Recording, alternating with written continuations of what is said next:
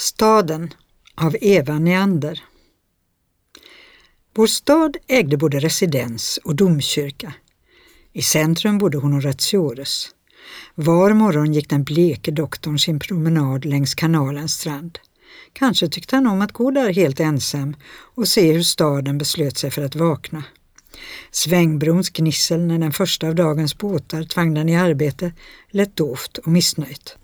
Men vattnets dans i den tidiga morgonen var fylld av okynne och leklust. Vid kanalens stränder fanns trähus och frisk grönska. I centrum däremot låg trista gator och värdiga stenhus. Deras kalla, lungsjuka väggar hånlog mot mig var morgon när jag upplöst sprang till skolan. I ett av dem bodde den bleke doktorn. Som barn drogs jag med intensiv ömhet till den jag av någon anledning trodde olycklig. Så älskade jag Napoleon, Terje Vigen och Simpson och brukade var söndagsmorgon ligga på magen i vår salong för att med dyster vällust följa deras öden. Min tro att den bleke doktorn var en av dessa olyckliga gick ej att rubba. Ett drag av hysteri som min make anser vara utpräglat hos mig fanns nog redan då. När doktorn och hans långa fiskögda fru kom på besök till min mor var jag sjuk av kvävd ömhet. Min egen skräck och min avsky för dessa två kvinnor var känslor som visats bort. De förnams nu blott likt en dov, gnagande visshet om skuld.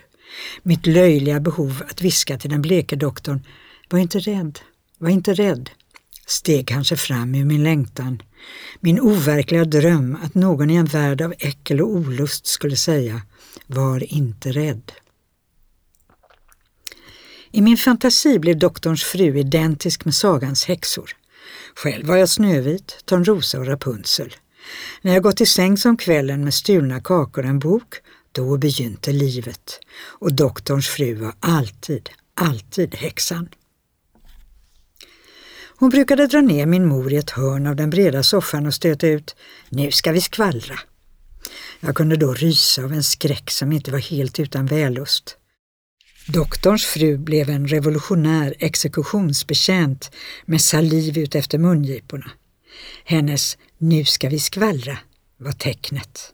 Om en stund skulle vår salong bli platsen för ett blodbad med honoratiores styva nackar hjälplöst simmande omkring, likt klimpar i en soppa. Vår blev till sommar och vinter följde på höst. Men stadens liv förblev sig likt. Den bleke doktorn gick var morgon längs kanalen. Jag såg honom när jag sprang till skolan och min ömhet fanns kvar. Tyvärr blev jag vart år allt mer slö och hopplös. Min mor grät ofta. En gång slängde hon en vas med narcisser i golvet. Den var intensivt blå. Mot blekt solljus tyckte jag att den självlyste. Min mor brukade kalla den exklusiv. Jag njöt av hennes vrede. Inte vågade jag säga emot henne. Men jag var sjuk av mitt dunkla, aldrig erkända hat. Något tvang mig att plåga henne. Istället för att läsa drev jag på gatorna. Då jag nu sprang förbi den bleke doktorn var jag full av skam. Han gick där så trött och undergiven. Själv var jag en överlöpare. Hans fru har talat om det, tänkte jag. Klockan slog ofta just då jag nått svängbron. Återigen skulle jag komma för sent. Det var länge sedan jag drömt om att trösta den bleke doktorn. När han kom på besök med sin fru såg jag stelt på dem båda. Doktorinnan hatade många. Hon glömde aldrig en kränkning. Sitt hat vårdade hon med ömhet och tålamod. Kanske tyckte hon sämst om tandläkaren.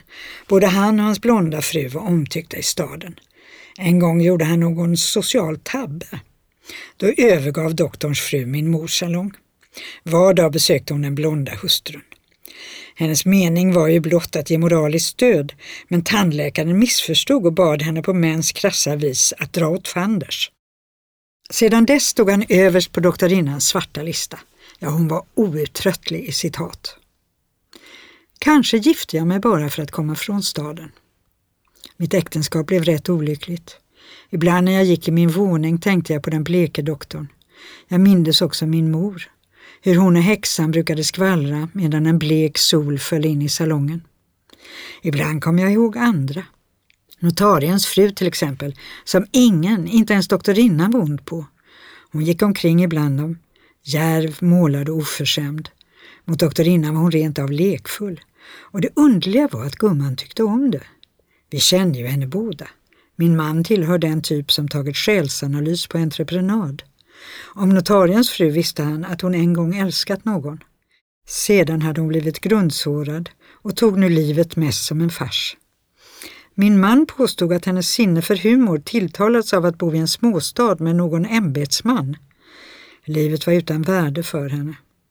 Eftersom allt var henne likgiltigt vågade hon allt, sa min man. Så ofta jag tänkte på henne. Min maka ansåg trohet vara löjligt. Ändå påstod han sig älska mig. Jag ville gärna förstå honom. Men hur jag än grubblade fanns det något som inte stämde. I sådana stunder greps jag av självömkan. Varför skulle jag sitta här ensam, tänkte jag. Snart börjar jag också skratta åt allt. Min make tyckte om experiment. Ett av dem var hans äktenskap med mig. Men tårar och scener äcklade honom. Om jag grät sa han att jag var småborgerlig. Han talade med förakt om våra vänners gräl och skilsmässor. Vårt liv ska inte dras ner och bli futtigt, sa han. Men jag kände att vi var döda. På något underligt sätt krävde hans lösning att man inte levde. Jag var en marionett tyckte jag. En docka som någon ville lära dansa efter den bästa av metoder. Därför att jag gått vilse ifrån mig själv levde jag i drömmar. Ofta satt jag bara helt slött och mindes. Och jag kunde tänka på oss från staden. Det var som om vi alla sökte hämnd, tyckte jag. Doktorinnan, som var en enkel människa, tog hem med att skvallra. Men Agneta, notariens fru, hon log. Kanske såg hon sin älskade framför sig jämt och tänkte, han ska se att jag inte gråter. Min mor tog också hämnd. På senare år ville hon knappt tala till mig. Min make hämnades också. Om han gråtit en enda gång skulle jag trott på hans glädje. Nu log han ständigt. Som han visste att någon iakttog honom. Och jag själv?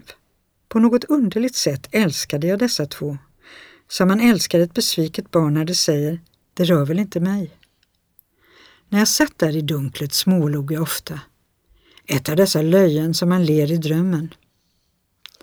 Jag tänkte på min man. Kanske var han ute med någon av sina vänner. Bland unga flickor som pratar filosofi och älskar nyanser. Måhända hade de övergett Platon och nått fram till det futtiga i konvenansens förbehåll. Jag satt där i min dröm och såg dem framför mig. Flickan var nog bra, till min man är noga med sina vänner. Kanske hon även hörde till dem som aldrig visar något. Ja, nog önskade jag bli som det. Min make sa att de var modiga. Kanske hade han rätt. I alla fall satt de inte i skymning som jag. Så föll mina tankar på doktorn. Åter satt han i vår salong med sitt bleka, trötta ansikte och jag var en liten flicka igen. Ett barn som ville krypa upp i hans knä och viska Var inte rädd.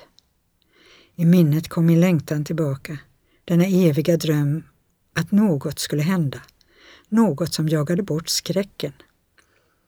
Jag förstod att min längtan fanns kvar.